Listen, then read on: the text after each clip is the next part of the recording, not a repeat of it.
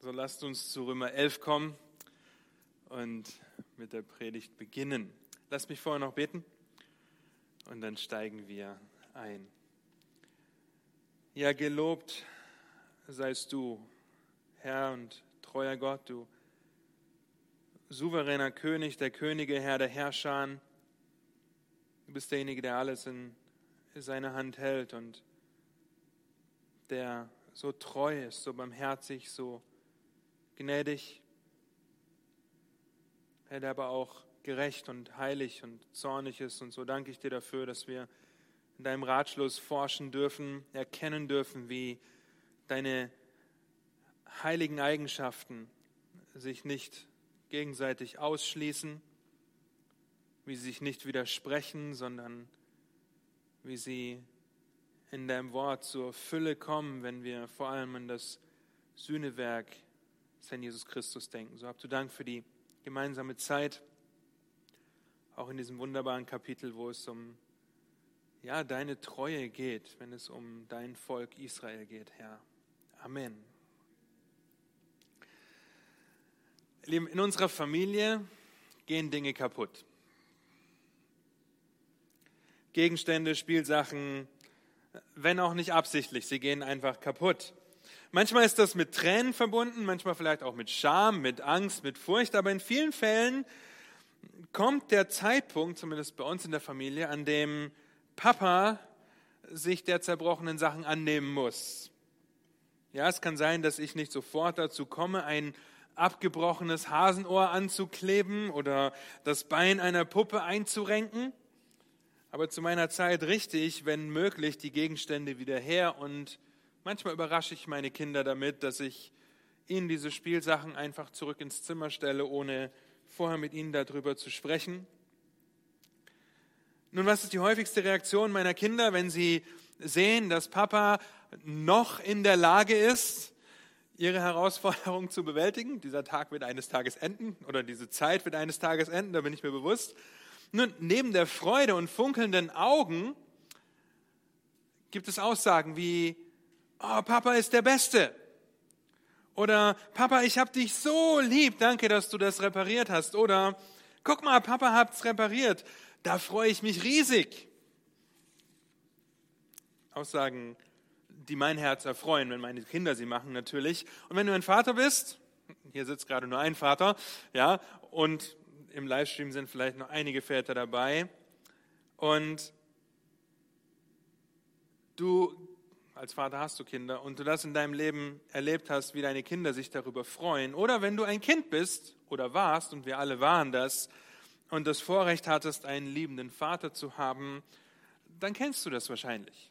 Die Freude darüber, dass etwas wiederhergestellt wird und der Lobpreis der Person, die die Wiederherstellung schenkt. Ja, auch wenn wir als Kinder das nicht so definieren würden, ja, dass wir unsere Väter Lob preisen, aber wir bringen unseren Dank, unsere Freude zum Ausdruck weil wir darüber nachdenken, wie unser Vater oder wie ich als Vater in der Wiederherstellung meine Liebe zum Ausdruck bringe.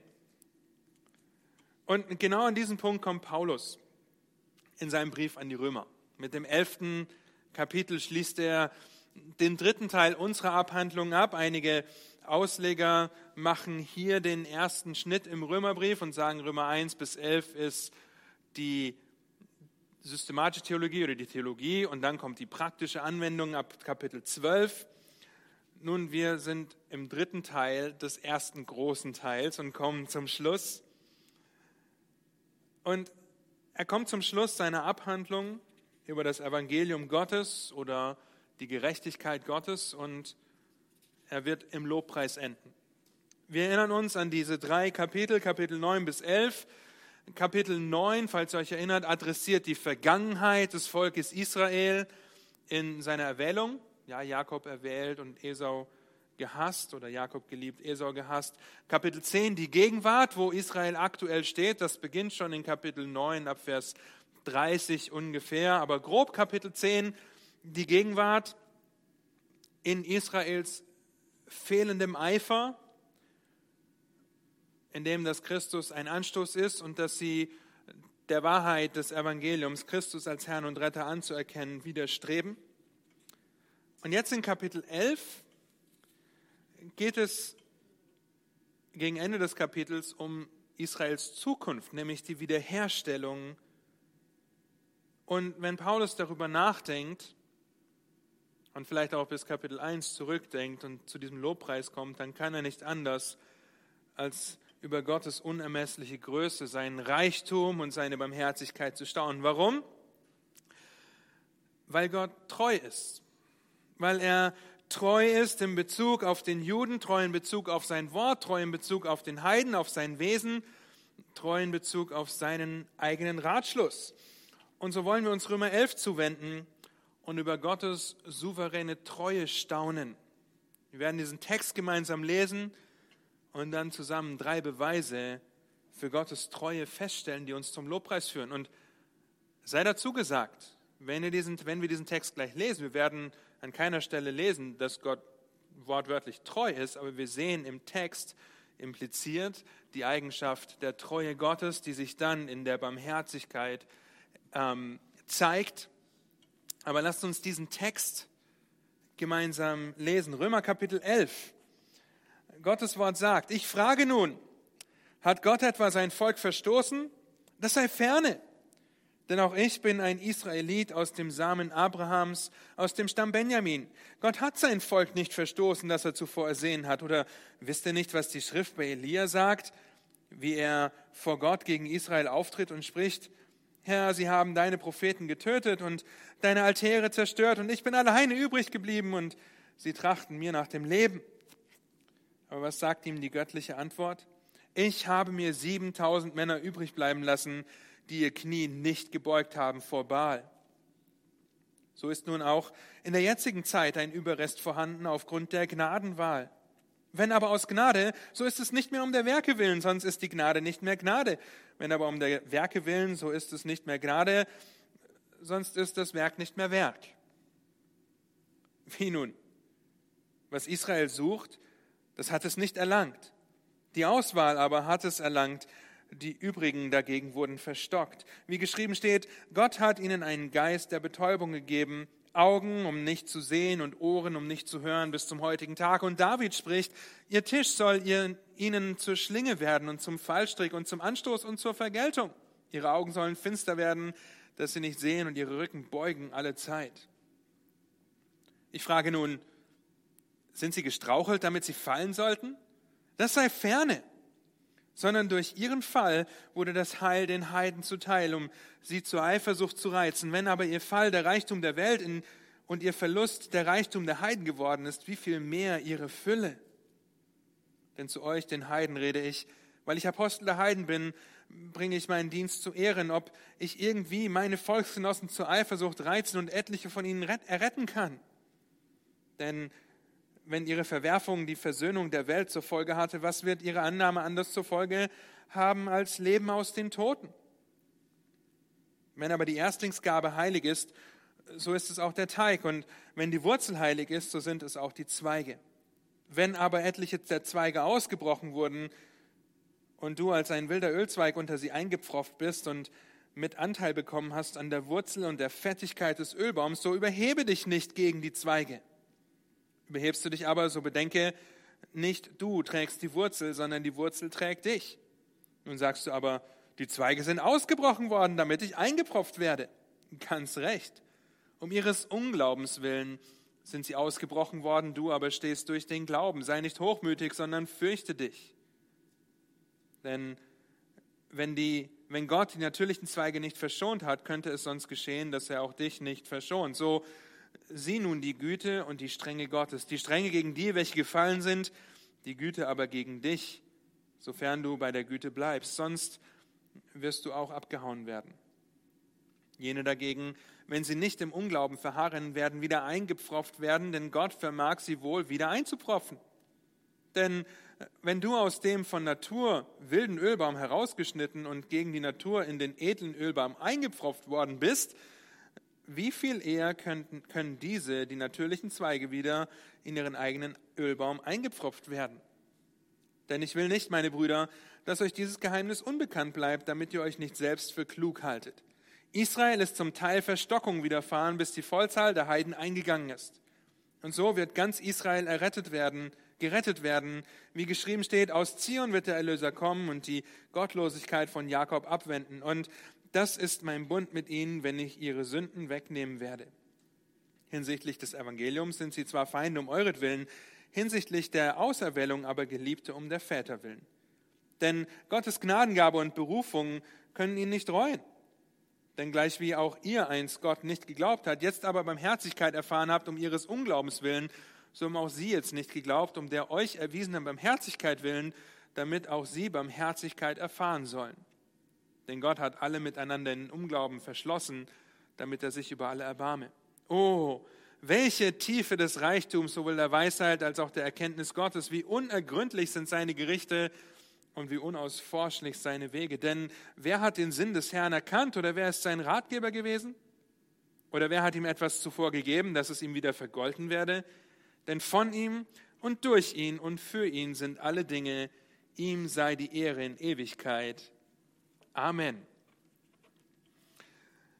Nun, bevor wir uns diese drei Beweise anschauen, möchte ich euch kurz den Hinweis geben, auch die ihr den Livestream schaut oder das nachher noch nachschaut, dass uns Dieter erst vor einigen Monaten dieses Kapitel ausgelegt hat oder vorgetragen hat, als er äh, über Hoffnung und Heil gesprochen hat bei unserer Tagung Lebendige Hoffnung. Das findet ihr im Predigtarchiv. Das heißt, ich hoffe, das zu ergänzen, ja, weil 36 Verse in 45, 50 Minuten ist herausfordernd. Und so hört euch auch diese Predigt an, weil wir nicht die Zeit haben werden, über jeden einzelnen Vers ins Detail zu gehen. Drei Beweise für Gottes Treue, die zum Lobpreis führen. Der erste Beweis, den wir sehen, ist, dass Gott sich in seiner Treue nie ganz von Israel abwendet. Die ersten sechs Verse. Ja, Israel ist halsstarrig, ist widerspenstig, ist ungehorsam. Ja, sie wenden sich von Gott ab und immer wieder einer Vielzahl anderer Götter zu. Nun aber zu jeder Zeit, zu jeder Zeit ist Gott seinem Volk gegenüber treu und errettet, einige von ihnen. Einige, die glauben, die vertrauen und das wird ihnen als Gerechtigkeit angerechnet.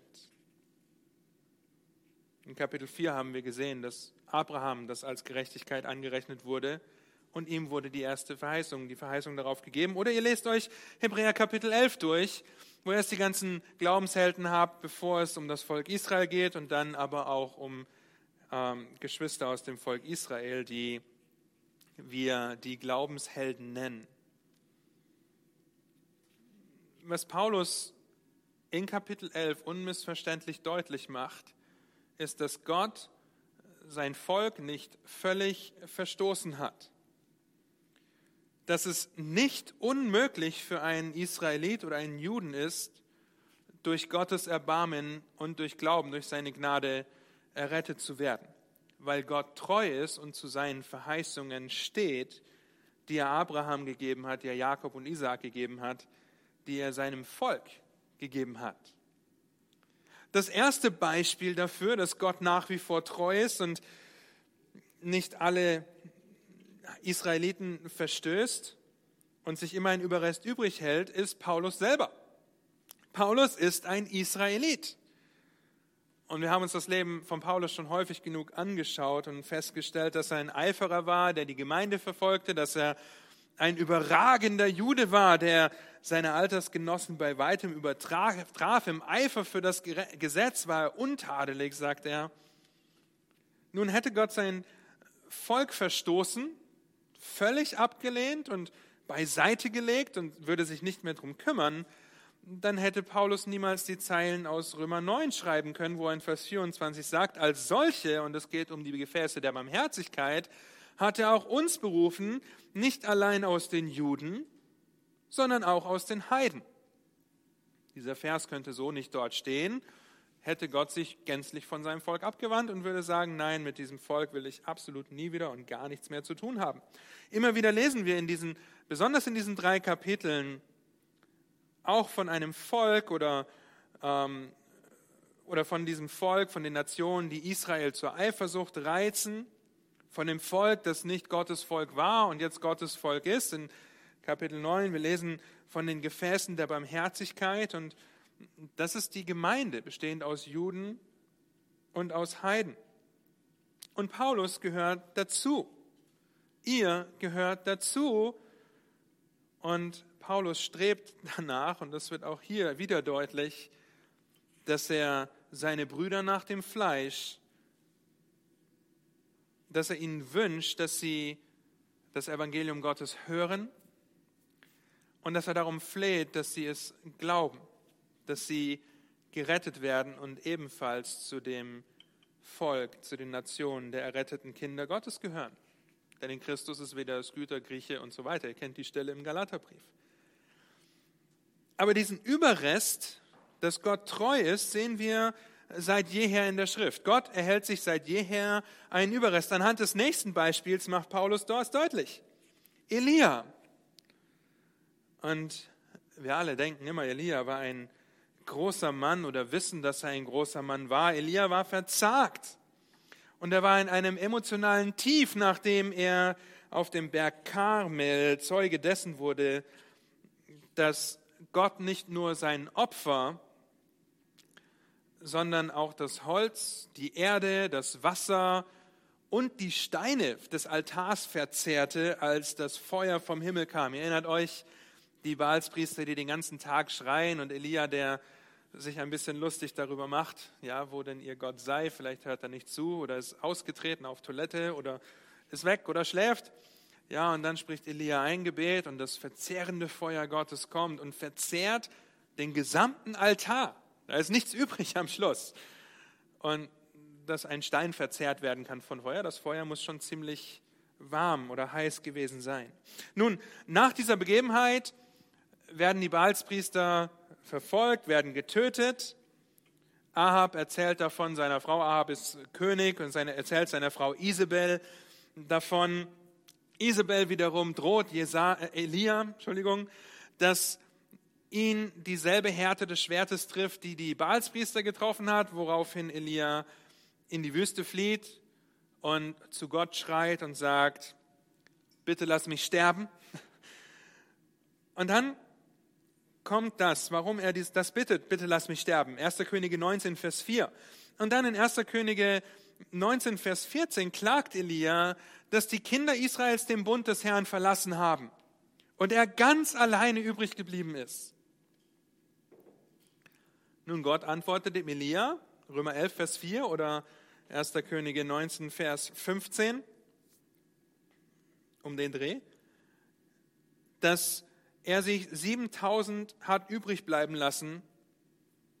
Und das, auf der einen Seite ist das ermutigend für Elia und auf der anderen Seite wird Elia durch die Berufung von Elisa im selben Kapitel, 1. Könige 19, Elisa, den Elia selber salben durfte, ein wunderbarer Zeuge der Treue Gottes, dass Gott sich immer ein Überrest aufhält, aufbewahrt und sich nie von seinem Volk abwendet.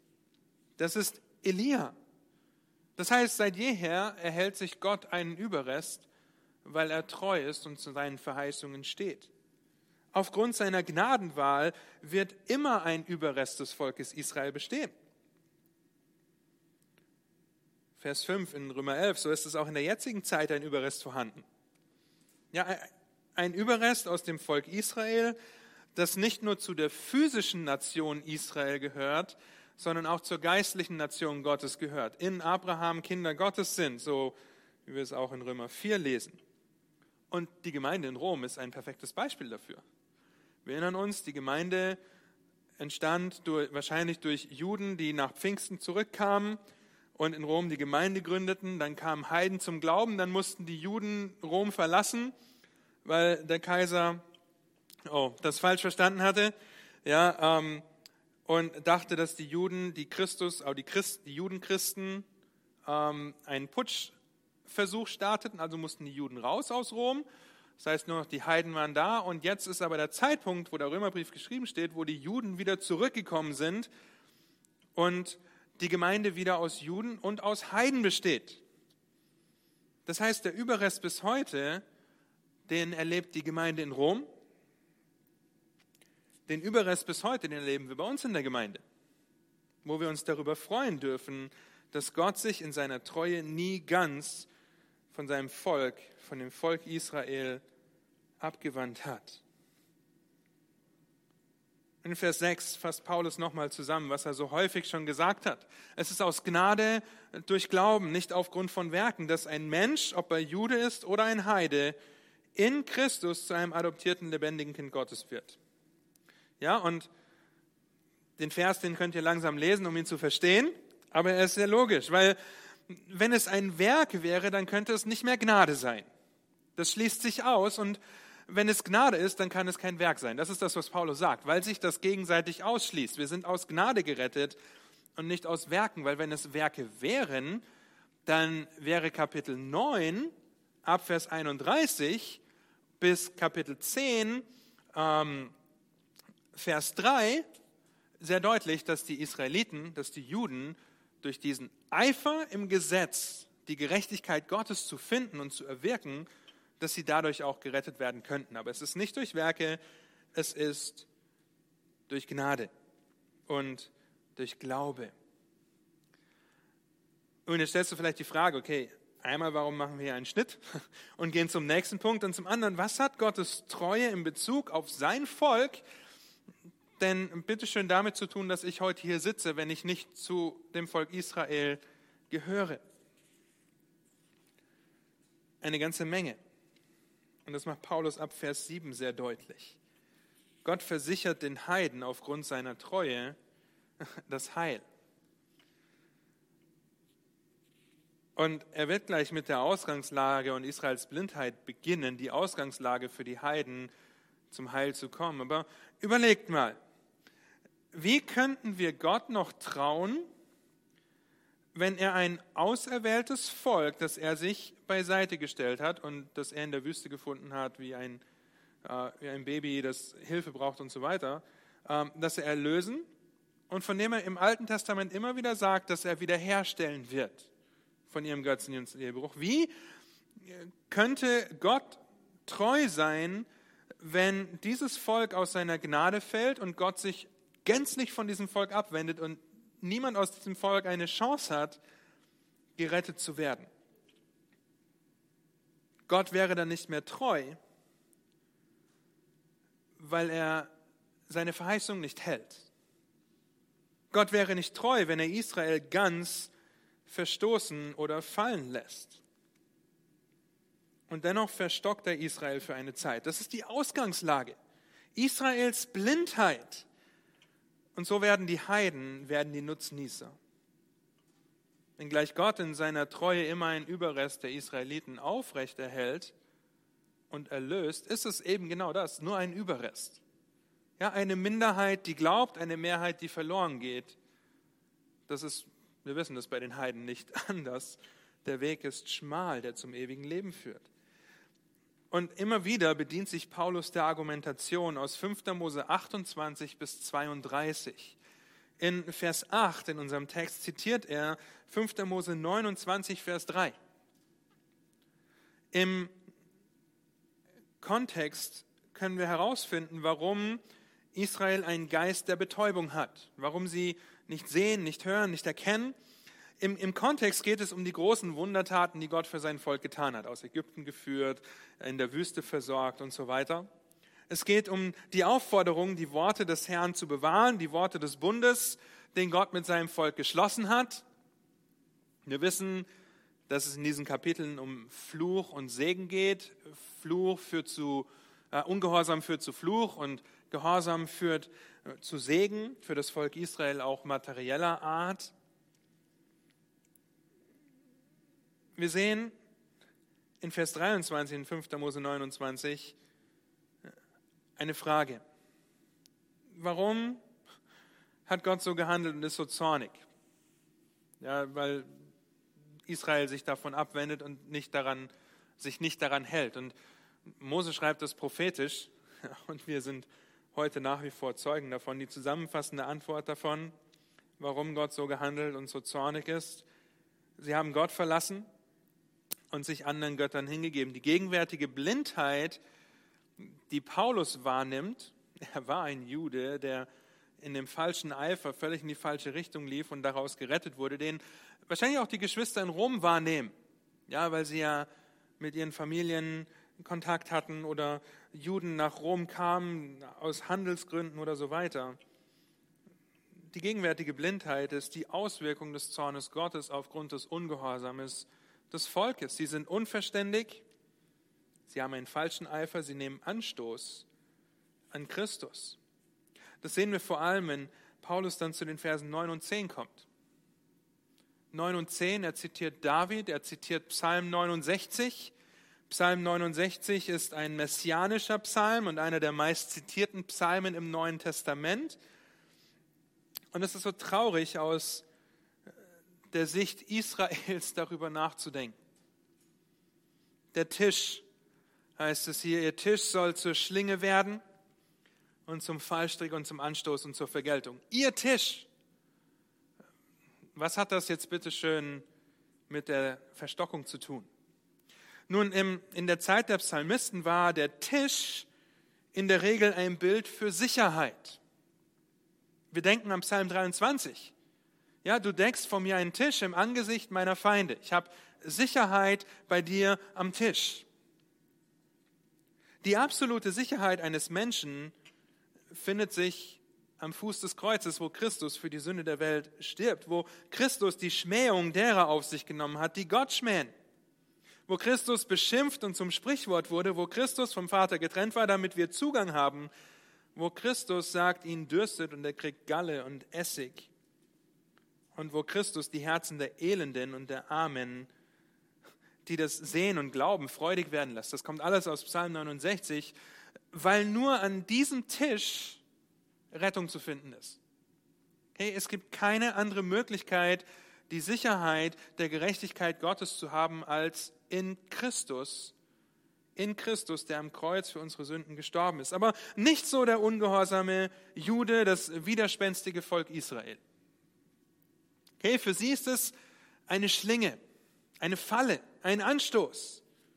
Sie wollen es nicht wahrhaben, weil sie ihre selbstgerechte Gesetzlichkeit zum Maß aller Dinge gemacht haben. Das heißt, je mehr sie sich darauf konzentrierten, die Gesetzlichkeit als Weg zur Gerechtigkeit Gottes zu, ähm, zu nutzen, desto blinder werden sie dafür. Ja, Vers 10. Ihre Augen sollen finster werden, dass sie nicht sehen und ihren Rücken beugen alle Zeit. Was hat das mit dem gebeugten Rücken auf sich zu tun? Nun, die die Last der Blindheit der Gesetzlichkeit in der damaligen Zeit. Ein Blinder musste am Boden gebückt laufen, um sich den Weg zu ertasten. Okay, er musste nach dem Weg suchen. Das heißt, der, der Jude, der hier auf dem Weg meint zu sein, Gerechtigkeit zu finden, in dem Halten des Gesetzes, wird dadurch nur noch mehr erdrückt und gedrückt und wird noch blinder und muss noch mehr am Boden rumwühlen, um den Weg zur Gerechtigkeit Gottes zu finden, ohne ihn jemals finden zu können, weil sie nicht bereit sind, sich einfach an den gedeckten Tisch der Sicherheit in Christus zu setzen.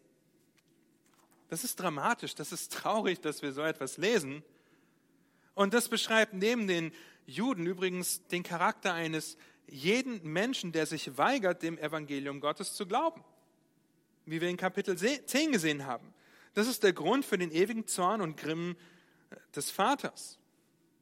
Heißt, wenn du zu den Menschen gehörst, die das sehen, die das hören, die den Tisch des Evangeliums von Christus vor Augen haben, dann wende dich nicht davon ab und denke, ja, aber ich muss noch das und das und das machen, bevor ich an diesen Tisch kommen kann oder der Tisch ist nicht ausreichend oder Christus ist nicht ausreichend, weil er fiktiv ist, weil er ähm, nur für meine Errettung gestorben ist und jetzt muss ich danach trachten, dass ich durch meine eigene Gerechtigkeit und Gesetzlichkeit gerecht bleibe. Lieben, das Evangelium zu glauben, Christus als Herrn und Retter zu bezeugen, beinhaltet auch zu verstehen, dass Christus stellvertretend für mich am Kreuz gestorben ist, damit ich in ihm zur Gerechtigkeit werde. Okay?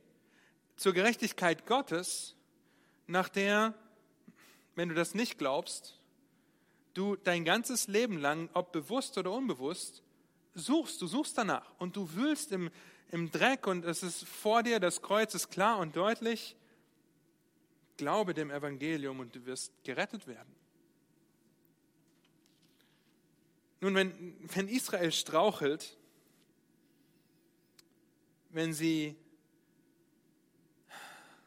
verstoßen oder zeitweise verstockt sind, wenn sie straucheln, dann bedeutet das nicht, dass Gott sie wie eine heiße Kartoffel fallen lässt. Okay, um dieses Bild zu benutzen und sie einfach nicht mehr beachtet. Nein, vielmehr ist die Folge des Strauchelns, was wir in Versen 11 bis 16 sehen, dass Heiden Nutznießer des Evangeliums werden. Sie gerettet werden, Vers 11 bis 16. Gott spricht, äh, Paulus spricht von Gottes Treue und der Sicherheit des Heils auch für die Heiden, indem dass er sich nicht gänzlich von seinem Volk abwendet. Und in den Versen 11 bis 16 macht Paulus einige Gegenüberstellungen, um deutlich zu machen, was für eine Sicherheit wir haben. Und was für eine Sicherheit wir finden können, weil er sich nicht ganz von seinem Volk abwendet. Ihr Fall wurde unser Heil, Vers 11, um sie zur Eifersucht zu reizen. Ihr Fall ist der Reichtum der Welt, ihr Verlust, quasi ihren Tisch abzulehnen. Christus ist zu den Juden gekommen, er wurde den Juden verheißen. Ja, das abzulehnen ist unser Reichtum, Vers 11. Vers 12, Entschuldigung. Und wenn ihr Fall Reichtum für uns bedeutet, wie viel mehr ihre Fülle, wie viel mehr, wenn ein, ein Israelit, ein Jude zum Glauben kommt, wie viel mehr können wir uns darin freuen, dass Gott sich einen Überrest erhalten hat und erhalten wird für immer und wie sehr können wir uns freuen, dass Gott sein Volk wiederherstellen wird am Ende der Tage. Wenn ein Jude zum Glauben kommt und Christus nicht mehr sein Anstoß ist, sondern der Fels des Heils. Und so ringt Paulus darum. Er ringt darum, dass seine Brüder nach dem Fleisch gläubig würden. Und wir haben die Missionsreisen im Kopf, die Paulus gemacht hat. Der erste Ort, an den er in, jedem, in jeder Stadt gefunden werden konnte, in die er gegangen ist, waren die Synagogen, waren die Juden, um die Juden für das Evangelium zu gewinnen, weil die Schrift spricht von Christus und der Rettung durch Glauben. Die meisten lehnen das aber ab, wollen ihn loswerden. Wir erinnern uns, dass es auch eine Gruppe von Judaisten gab, die Paulus immer hinterhergereist sind und gesagt haben, ja, wenn du das jetzt glaubst, dann lässt du dich beschneiden und Beschneidung plus Christus und dann passt das schon. Nein. Aber Paulus geht zuerst zu den Juden, wenngleich er ein Apostel für die Heiden ist. Nachdem er bei den Juden war in der Synagoge, geht er auf die öffentlichen Plätze, auf die Straßen, verkündigt das Evangelium, das Evangelium Gottes, was übrigens beinhaltet, dass das Blut Christi über das Haupt der Juden kommt, weil sie sagen, das Haupt, das, sein Blut komme über unser Haupt und über das Haupt unserer Kinder, äh, als sie rufen, kreuzige ihn. Und so reizt das den Juden zur Eifersucht.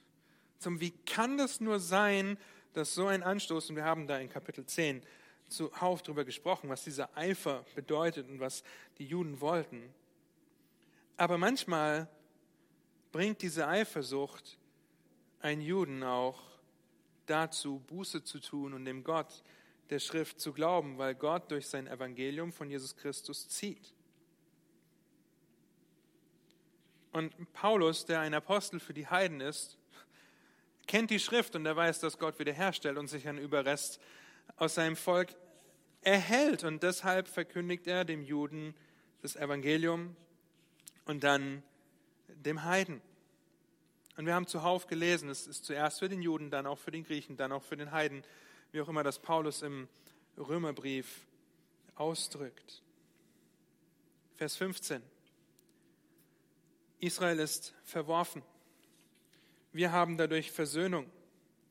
Aber der gegenwärtige Überrest auch in der Gemeinde in Rom und die zukünftige Wiederherstellung sind ebenso ein Beweis dafür, dass Gottes Wort wahr ist, dass Gott selbst treu ist.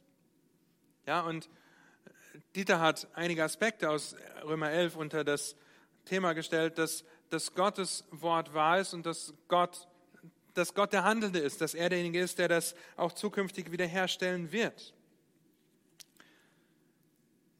Das, was wir in Vers 15 lesen, die Verwerfung, die Versöhnung der Welt zur Folge hatte, was wird ihre Annahme anders zur Folge haben als Leben aus den Toten? Das erinnert uns vielleicht an eine ähnliche Aussage, die Paulus in Römer 5, Vers 11 in Bezug auf Christus gemacht hat, wo er sagt, denn wenn wir mit Gott versöhnt worden sind durch den Tod seines Sohnes, als wir noch Feinde waren, das ist die eine Seite, Christus ist gestorben, wie viel mehr werden wir als Versöhnte gerettet werden durch sein Leben? Auch hier ist die Auferstehung und das Leben Jesu eine Bestätigung der Wahrhaftigkeit des Evangeliums, dass Christus wahrhaft gerecht war und dass uns in der Auferstehung Christi die Gerechtigkeit angerechnet wird. So ist es auch mit dem Juden. Ihre Ablehnung ist unser Reichtum. Ihre Errettung umso mehr die Bestätigung der Wahrhaftigkeit und der Treue Gottes. Das wird so sein und das wirst du daran sehen, dass Juden zum Glauben kommen. Worum handelt es sich bei der Erstlingsgabe? in Vers 16 und der Wurzel. Worum geht es? Im Großen und Ganzen um Gottes souveräne Treue. Und so können wir feststellen, dass die Erstlingsgabe und die Wurzel sich auf die Erzväter beziehen, die diese Verheißungen bekommen haben. Abraham, Isaak, Jakob.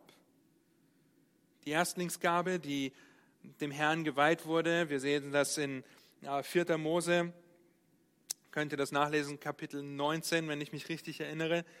Ja, bitte? 1915, genau.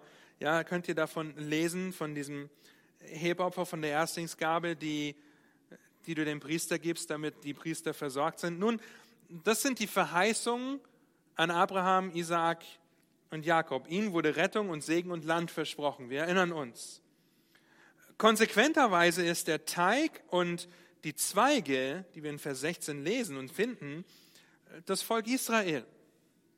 Ja, von dem in Gottes Treue heute ein Überrest gerettet ist und in der Zukunft der Überrest, der nach, in der Trübsalzeit bestehen bleibt, die 144.000, bestehen bleiben und gerettet werden, wiederhergestellt werden. Leben, wenn Vers 16 nicht der Fall wäre, dass Gott in seiner Treue die Verheißung an Abraham, Isaac und Jakob gibt, wenn er das nicht halten würde und sich jetzt ganz von seinem Volk abwendet, dann noch einmal, dann wäre Gott nicht mehr treu, wir könnten ihm nicht vertrauen und er würde das Versprechen nicht halten, das er einst Abraham gegeben hat.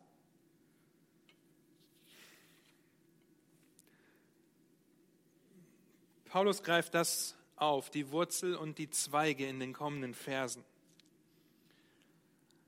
Um des Unglaubens willen werden etliche Zweige ausgebrochen. Und wir werden als wilder Ölzweig in den Baum, in den fettigen Ölbaum und die Wurzel dieses Baumes eingepfropft. Wir sehen, wie drittens die Verse 17 bis 32 Gott seine Treue in seinem Ratschluss offenbart in Versen 17 bis 24 werden wir daran erinnert, dass Gott einpflanzt. Und das sollte uns dafür schützen, uns zu überheben und hochmütig zu werden. Ich habe ein Bild für euch. Das ist kein Ölbaum, okay, aber nur, dass ihr eine Idee davon bekommt, was es heißt, eingepfropft zu werden. Beim Einpfropfen wird ein Ast oder eine Knospe genommen und an einen anderen Baum gesetzt. Ja, hier seht ihr den Baumstamm, der die Wurzel schon hat, und hier werden andere Zweige und Äste eingesetzt. In der heutigen Zeit nennt man das Veredelung. Die Bäume werden veredelt, weil etwas Gutes, Vorzügliches genommen wird und in etwas nicht so Gutes eingesetzt wird in der heutigen Zeit. Nicht so bei Gott. Bei Gott sind wir ein wilder Ölzweig von einem wild gewachsenen Baum, der nicht gepflegt wurde, der nicht genährt wurde, der nicht fettig ist, in dem Sinn, dass er die Verheißung und Zusprüche Gottes bekommen hat. Nein, wir sind wilde Zweige, die in einen edlen, fettigen, saftigen Ölbaum eingepfropft werden. Die Verheißung und die Zusprüche für Israel treffen auch auf uns zu, die wir gläubig sind. Und so können wir ermutigt sein, wenn wir über dieses Bild nachdenken und an die heutige Zeit denken, dass wenn wir davon hören, dass ein Baum veredelt wird, ja, dass etwas sehr Edles genommen wird und in etwas nicht so Gutes eingepfropft wird, damit das besser wachsen kann. Nun, wir werden veredelt, weil wir als ein wilder Ölzweig in das Edle eingepfropft werden. Wir sind Nutznießer, wir sind, ähm, wir kommen in den Segen, den der Abraham und Isaak und Jakob versprochen wurde. Und das sollte uns auf der einen Seite demütigen und davor warnen, uns nicht zu überheben. Ist uns bewusst, dass wir nur Nutznießer sind als Heiden, die wir gläubig sind. Ist uns bewusst, und das kann ein Problem in der Gemeinde von Rom gewesen sein, dass rettender Glaube nicht aufgrund von Herkunft, ethnischer Rasse, nicht aufgrund von Errungenschaften oder sonst etwas erlangt werden kann nur durch Glauben aus Gnade. Überheblichkeit in diesem Abschnitt kann offenbaren oder kann zeigen, dass es sein kann, dass du entweder hochmütig bist und dich unter die mächtige Hand demütigen und die mächtige Hand Gottes demütigen musst und Buße tun musst für deine Überheblichkeit, dass du jetzt meinst, ja, ich bin besser dran. Oder es kann sogar zeigen, dass du das Evangelium nicht verstanden hast. Und so eigentlich nicht wirklich ein Teil des Ölbaums bist, wenngleich du in die Gemeinde kommst. So wie wir als Kinder Gottes, als Heiden Christen, die Nutznießer der Verheißungen und des Segens für Israel sind, gibt es auch in der Gemeinde Menschen, die Nutznießer der Verheißungen, Segnungen und Anweisungen für die Gemeinde sind, ohne das Evangelium jemals begriffen zu haben. Meine Lieben, die ernüchternde Realität ist, dass die lokale Gemeinde, wahrscheinlich auch unsere lokale Gemeinde, die Bibelgemeinde Berlin, zwar groß ist, aber nicht alle aus der lokalen Gemeinde zur universalen Gemeinde gehören, zu den wahren Kindern Gottes. Nun, wir sind nicht die Kenner der Herzen. Gott ist derjenige, der überführt und deshalb verkündigen wir das Evangelium. Deswegen sagen viele Ausleger, die eigene Gemeinde ist das größte Missionsfeld, weil wir sicher gehen wollen, dass diejenigen, die hier sitzen, die das hören, die das sehen, das Evangelium verstanden haben. Weil wenn ihr es nicht verstanden habt, wenn ihr euch überhebt, wenn ihr hochmütig seid, wenn ihr nicht errettet seid und hierher kommt, dann häuft ihr euch Gericht auf. Und das wollen wir nicht und deshalb ringen wir und beten wir darum, dass Gott die Herzen überführt, dass Gott derjenige ist, der die Beziehungen wiederherstellt, was ausschließlich in und durch Christus geschehen kann. Das sind die Verse 20 und 21 und 22. lasst uns aufpassen, nicht hochmütig zu werden, sondern uns darüber zu freuen und demütig zu sein, dass ein wilder Ölzweig, der ich bin, in etwas so Edles eingepflanzt wurde. In Versen 25 bis 27 sehen wir dann und werden daran erinnert, dass Gott wiederherstellt. Hier, dass er wiederherstellt und auch diese Verse gehen mit einer Warnung einher, halte dich nicht selbst für klug in Vers 25, also wir haben in dieser ganzen Abhandlung ab Vers 17, wir sollen uns nicht überheben in Vers 18. Wir sollen nicht hochmütig sein in Vers oh, 20. Jetzt habe ich es gesehen, am Ende. Ja, sei nicht hochmütig, sondern fürchte dich und fürchte den Herrn. Und jetzt Halte dich nicht selbst für klug, weil Gott stellt wieder her. Gott wird einen Überrest wiederherstellen. Und wie, wie beschreibt Paulus den Klugen, den überheblichen Klugen in Römer 1, Vers 22? Falls ihr euch erinnert, das liegt schon einige Monate zurück.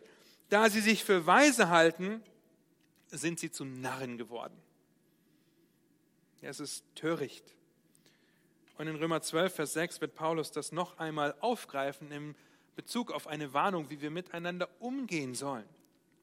Was wir im Hinterkopf behalten, dass er von Kapitel 11 kommt, weil in Rom Juden und Heiden zusammen waren und hier in Kapitel 11 diese Warnung kommt, überheb dich nicht, halte dich nicht für klug. Offensichtlich war das eine Herausforderung in der Gemeinde von Rom, dass Heiden und Juden so eng zusammen waren und Juden eine Zeit lang weg waren und es Tumulte oder Herausforderungen gab. Haltet euch nicht selbst für klug. Gott wird wiederherstellen. Meinen wir nicht, dass Israel ausgetauscht und fallen gelassen werden würde? Ja, das ist nicht der Fall. Diese Aussage wäre überheblich und gleichzeitig würde sie die Treue Gottes untergraben. Eines Tages wird auch der letzte Überrest ganz Israel gerettet werden, Vers 26. Aus Zion wird der Erlöser kommen und die Gottlosigkeit von Jakob abwenden. Und hier ermutige ich euch wirklich, Dieters Vortrag zu hören, weil er sich darauf konzentriert, wie genau das aussieht. Ein Überrest, ein kleiner Überrest wird errettet werden. Und so lasst uns Gottes Treue erkennen in der Wiederherstellung am Ende der Tage. Ja, Gott ist treu. Er war es seit jeher, er ist es aktuell was uns zugute kommt und er wird auch ewig treu bleiben. Warum sehen wir die Treue Gottes in seinem ewigen Ratschluss? Weil er barmherzig ist. Ja, ab Vers 28 macht er deutlich, dass Gott, dass Gottes Volk das Volk Gottes ist, auch wenn sie sich derzeit wie eine Ehebrecherin verhalten und von Gott abwenden. Gott wendet sich nicht von ihnen ab, weil er treu zu den Verheißungen steht, die er Abraham, Isaak und Jakob gegeben hat, die er durch die Propheten immer wieder verkündigt hat, dass er wiederherstellt. Denn diese Wahl, dieses Versprechen, die reuen Gott nicht, weil er barmherzig ist. Er ist barmherzig, um zu retten. Und so schließt Paulus den Kreis. Und wir kommen langsam zum Ende, meine Güte. Ja, die Zeit ist fortgeschritten. So schließt Paulus den Kreis von Kapitel 9 bis 11 und zeigt die Gottes, Treue Gottes auf. Er zeigt auf, dass kein Mensch jemals aus eigener Kraft zur Erkenntnis der Wahrheit kommen kann. Es braucht Gottes Gnadenwahl, die Gnadengabe und die Barmherzigkeit. Und das kann ihn nicht reuen, dass er barmherzig ist. Nun, da es zur damaligen Verfassung, Abfassungszeit aber keine Verseinteilung gab, können wir ab Vers 32 entweder Kapitel 9 bis 11 im Hinterkopf haben oder Kapitel 1 bis 11 im Hinterkopf haben und darüber staunen, dass Gott sich über den erbarmt, über den er sich erbarmen will, weil keiner gerecht ist, auch nicht einer. Ob unmoralisch, moralisch, religiös, ob Jude oder Grieche, da ist keiner, der verständig ist, keiner, der nach Gott fragt. Aber in seiner Treue und in seiner Barmherzigkeit hat Gott Erbarmen gezeigt und uns außerhalb des Gesetzes, wir erinnern uns an Kapitel 3, Vers 21, außerhalb des Gesetzes durch Glauben an Jesus Christus seine Gerechtigkeit zugesprochen und erwiesen. Wir sind ohne Verdienst gerettet, wir sind durch Gnade gerettet. Wir sind erlöst und versöhnt mit Christus. Ein Rühmen ist ausgeschlossen.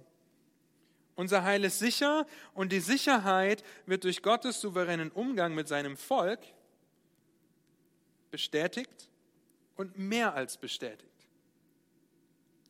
Und ihr Lieben, wenn diese Verse dich absolut kalt lassen, dann prüfe, ob du das Evangelium verstanden hast. Und sie werden dich absolut kalt lassen, wenn du denkst, es geht einfach nur um intellektuelles Wissen der Schrift. Nein, wir wollen die Schrift kennen, weil wir dadurch in Beziehung zu Gott stehen und mehr über ihn lernen, kennenlernen, ihn lieben lernen, weil er uns zuerst geliebt hat. Gottes Treue, wie sie sich nicht erst seit Kapitel 9 im Römerbrief erweist, und das Erfahren seiner Barmherzigkeit im eigenen Leben, das Begreifen, dass wir aufgrund seiner Gnadenwahl, aufgrund seiner Erlösung, seiner Errettung in Beziehung zu Gott stehen und das Begreifen der Wahrheiten aus den vorangegangenen Kapiteln, besonders der Kapitel 9 bis 11, sollte uns in den Lobpreis mit Paulus einstimmen lassen, von ganzem Herzen, denn Gottes Treue und seine Barmherzigkeit führen zu Lobpreis. Oder müssen zu Lobpreis führen, wenn ihr den Imperativ haben wollt. Sie führen dazu. Denn wenn du über die Tragweite, über die Tragweite dieser Wahrheit nachdenkst und sie bewusst in deinem Leben erkennst, weil du rettenden Glauben erfahren hast durch Gottes Gnade, aufgrund seiner Treue, aufgrund seines Erbarmens verstehst und begreifst, dass es nur durch Gnade ist, dass du Heil empfangen hast, dass du weder etwas dafür tun oder jetzt hinzufügen kannst. Das geht um Gottes Treue, seine Barmherzigkeit in deinem, in meinem Leben, im Leben von Paulus, im Leben von dem Überrest, im Leben der Heidenchristen. Und wenn wir das begreifen, dann werden wir nicht anders können, als in einer demütigen Haltung vor Gott zu kommen, sich unter seine Autorität und Souveränität zu stellen und anzuerkennen, dass er unermesslich groß ist und ihn dafür preisen. Das Ende dieses ersten großen Gesamtabschnitts des Römerbriefs ist ein Lobpreis auf Gott. In Vers 33 hält Paulus uns die schiere Größe Gottes vor Augen. Wir werden nicht in der Lage sein, jemals die Fülle zu begreifen, wer Gott ist und was er tut. Aber wir erkennen, dass Gott in seiner Treue weise und allwissend ist. Nichts, was er nicht wüsste und nichts, was er nicht zum Besten für die Seinen lenken und entscheiden würde, damit er am Ende die Ehre bekommt. Und vielleicht denkt Paulus hier an Jesaja 40. Gott spannt den ganzen Himmel mit der Spanne seiner Hand ab, vom kleinen Finger bis zum Daumen. Gott fasst den Staub der Erde in ein Maß. Er wiegt die Berge in einer Waage. Vor Gott sind alle Völker wie ein Tropfen am Eimer oder wie ein, ein Stäubchen in der Waagschale. Ein Stäubchen in der Waagschale fällt absolut nicht ins Gewicht. Gott, er wird nicht müde, er wird nicht matt. Lese Jesaja 40. Begreife, wer dich errettet hat, wer zuerst in Beziehung zu dir getreten ist, begreife, wer dich geliebt und dir seine Barmherzigkeit erwiesen hat, als du noch ein Feind, ein Sünder und kraftlos warst. Es ist der lebendige, der unfassbare, der unermesslich große Gott, der Schöpfer dieses Universums. Seine Wege sind höher als unsere Wege. Durch einfache rhetorische Fragen stellt Paulus sicher, dass die Zuhörer oder die Empfänger des Römerbriefs das verstehen und dass wir auch das verstehen. Rhetorische Fragen, die nur mit einem Niemand oder keiner beantwortet werden können. Wer hat jemals Ratschluss, Ratschlag gegeben? Niemand. Wer hat den Sinn des Herrn erkannt? Keiner. Wie auch. Niemand ist sein Ratgeber gewesen, außer er selbst. Aber er ist unser Ratgeber. Ist es nicht faszinierend, dass er sich äußert, dass er uns vor allem einen Beistand gibt, ein, dass er unser Ratgeber ist, dass wir in seinem Wort Rat für unser Leben finden können? Niemand hat ihm etwas zuvor gegeben, aber er hat uns seinen Sohn gegeben. Und Errettung wäre aus Werken, wenn uns Gott für das entlohnen müsste, was wir ihm gegeben haben. Nun, vielleicht denkt Paulus hier an Hiob 38 bis 41 wo Gott eine ganze Latte an rhetorischen Fragen stellt. Warst du da dabei? Hast du das gesehen? Weißt du, wie sich das funktioniert? Um Hiob seine Größe vor Augen zu malen. Und er malt Hiob seine Größe vor Augen, ohne dass Hiob jemals erfährt, warum er erleiden musste, was er erlitten hat. Das erfährt Hiob niemals.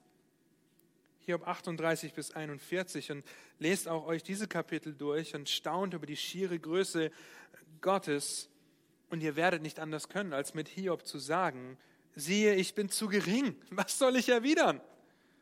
Ich will meine Hand auf meinen Mund legen. Ich kann nicht mit Gott rechten. Letztlich führt Paulus das zum letzten Vers. Denn wenn Gott unglaublich groß ist und die Fragen nur mit einem staunenden Keiner und Niemand beantwortet werden können, dann ist Gott auch derjenige, der alles erhält. Nicht nur, dass er alles erhält, alles kommt von ihm. Alles kommt von ihm. Alles ist durch ihn, alles ist für ihn. In Kolosser 1, Vers 16 und 17 schreibt Paulus, denn in ihm, das ist Christus, ist alles erschaffen worden, was im Himmel und was auf Erden ist, das Sichtbare und das Unsichtbare, seien es Throne oder Herrschaften oder Fürstentümer oder Gewalten. Alles ist durch ihn und für ihn geschaffen und er ist vor allem und alles hat seinen Bestand in ihm. Lieben, das ist dein Retter. Das ist dein Gott. Das ist dein treuer Gott. Und ich hoffe, ihr kommt mit mir nach diesem Kapitel nicht mehr aus dem Staunen über Gottes Treue, über seine Größe heraus. Denk das nächste Mal daran, wenn dein Kind mit funkelnden Augen vor dir steht und dich für deine Fähigkeiten preist, dass du etwas reparieren konntest. Denk daran, wir sollten so in Bezug auf den treuen Gott reagieren.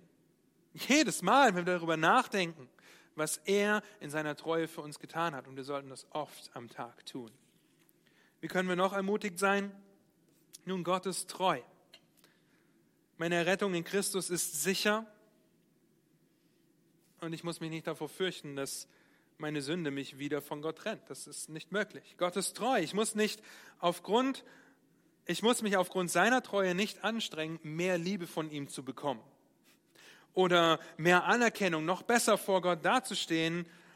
Ihr Lieben, das wäre töricht, weil wir in Christus perfekt sind vor Gott. Aber wir möchten jetzt handeln, um ihm unser Staunen, unsere Liebe zum Ausdruck zu bringen. Gott ist treu. Das heißt, du kannst in deinen Sorgen und Nöten, du kannst in deinen Ängsten und Verzweiflungen, du kannst in deiner Bitterkeit, in deinem Zorn zu deinem treuen Gott kommen, dessen Verheißungen wahr sind. Dass er dich erstens nicht in eine Prüfung stellt, die dich überfordert, wenngleich das Meistern dieser Prüfung vielleicht Hilfe deiner Geschwister braucht. Und zweitens, dass Gott nicht abweisen wird, wenn wir ihn um Vergebung bitten, weil er treu ist, dass er uns vergibt und uns reinigt von aller Ungerechtigkeit. Gott ist treu. Das sollte mich, das sollte dich zum Lobpreis des lebendigen Gottes treiben. Wie wäre es, wenn Gott so wäre wie ich? Das ist er aber nicht, Gott sei Dank. Preis ihn dafür. Und deswegen schreibt Paulus am Schluss, ihm sei die Ehre in Ewigkeit. Amen. Lass mich beten.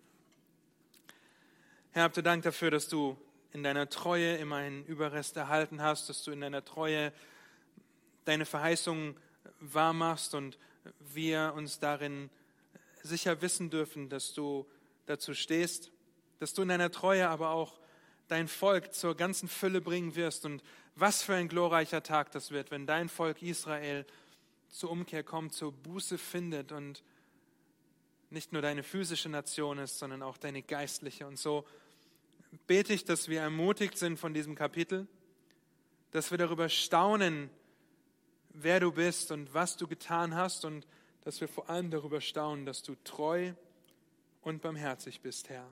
Amen.